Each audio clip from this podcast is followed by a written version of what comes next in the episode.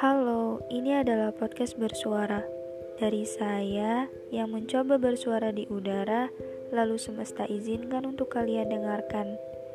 Karena bersuara itu adalah cara terbaik untuk belajar melepaskan dan mengikhlaskan.